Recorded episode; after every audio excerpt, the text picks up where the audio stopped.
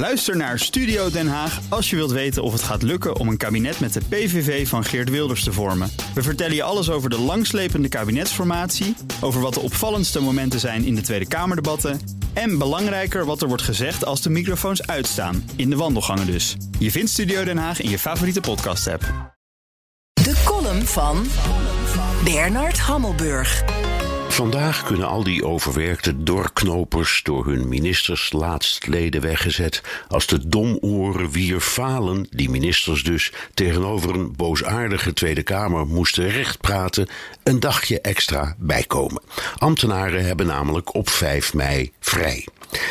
Op de Nationale Feestdag hebben gewone stervelingen maar één keer in de vijf jaar vrij, maar ambtenaren mogen de vreugde van de vrijheid elk jaar vieren, met behoud van salaris, zoals het in hun CAO en op hun website staat.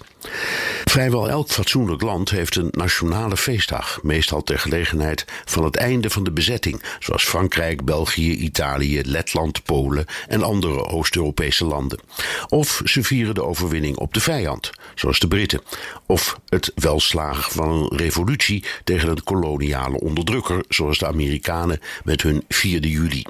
Wij hebben elk jaar Bevrijdingsdag, ter viering van de geallieerde overwinning op de meest brute bezetting en enige geïndustrialiseerde massamoord in de geschiedenis. Maar vier van de vijf jaar werken we gewoon door.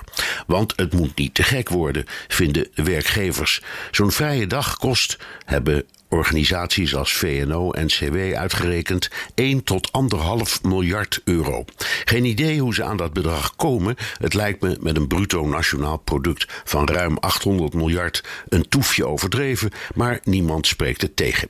Ja, zeggen de werkgevers, voor ons mag het, maar dan moeten de werknemers de vrije tweede Pinksterdag inleveren.